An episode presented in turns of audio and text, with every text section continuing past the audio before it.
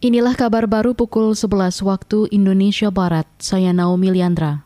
Presiden Joko Widodo menyambut Presiden Timor Leste, Jose Manuel Ramos Horta di Istana Bogor, Jawa Barat hari ini.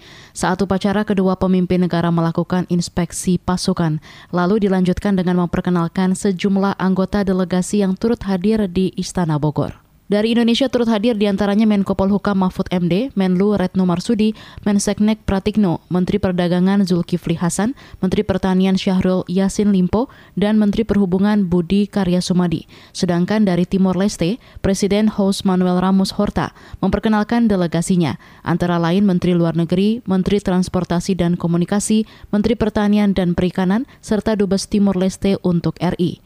Kedua pemimpin kemudian menuju ruang teratai di Istana Bogor untuk sesi foto bersama, dilanjutkan penandatanganan buku tamu. Sesudah itu kedua pemimpin melakukan penanaman pohon gaharu di lingkungan Istana Bogor.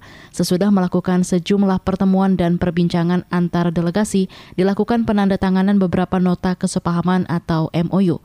Usai itu kedua pemimpin negara akan melakukan konferensi pers bersama. Dewan Pers berkali-kali mengingatkan sedikitnya ada sembilan pasal di draft revisi Kitab Hukum Undang-Undang Pidana RKUHP yang bisa membelenggu dan mengancam para jurnalis. Padahal menurut Ketua Komisi Hukum dan Perundang-Undangan Dewan Pers Arif Zulkifli, pers menganut asal swaregulasi atau mengatur dirinya sendiri selama tidak bertentangan dengan prinsip hukum.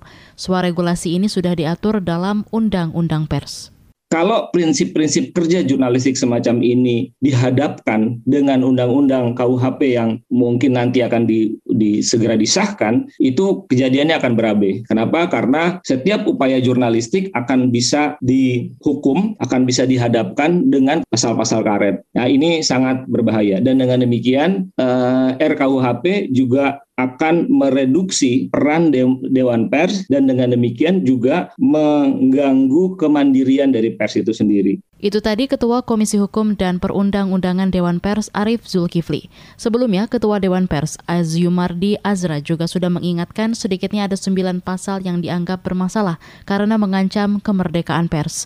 Dewan Pers pun mengirimkan surat bernada protes ke DPR dan Kemenkumham. Surat protes sudah dijawab dan Kemenkumham akan menyiapkan audiensi Dewan Pers dengan Wamenkumham Edward Omar Syarif Yarich. Indonesia kini menjadi salah satu negara yang memimpin produksi budidaya perikanan global. Menurut Dirjen Perikanan Tangkap Kementerian Kelautan dan Perikanan KKP Hairu Rahayu, Data dari Organisasi Pangan dan Agrikultur Dunia FAO menunjukkan Indonesia menempati peringkat kedua produsen hasil budidaya perikanan terbanyak setelah Tiongkok. Adapun total produksinya hampir 15 juta ton ikan dan rumput laut. Program terobosan yang pertama adalah penangkapan ikan uh, terukur.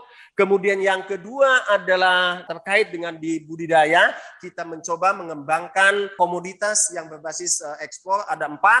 Yang pertama adalah udang, yang kedua lobster, yang ketiga adalah kepiting, dan yang keempat adalah rumput laut. Kemudian program uh, terobosan yang ketiga adalah pembangunan kampung-kampung perikanan. Dirjen Perikanan Tangkap KKP Hairu Rahayu menambahkan, program pembangunan kampung-kampung budidaya perikanan sudah dilaksanakan sejak tahun lalu. Hairu memperkirakan tren budidaya perikanan akan semakin meningkat dan memiliki prospek menjanjikan hingga tahun 2030 nanti. Hairu berharap budidaya perikanan bisa menggantikan perikanan tangkap karena lebih ramah lingkungan dan berorientasi pada ekonomi biru yang berkelanjutan. Demikian kabar baru KBR, saya Naomi Liandra.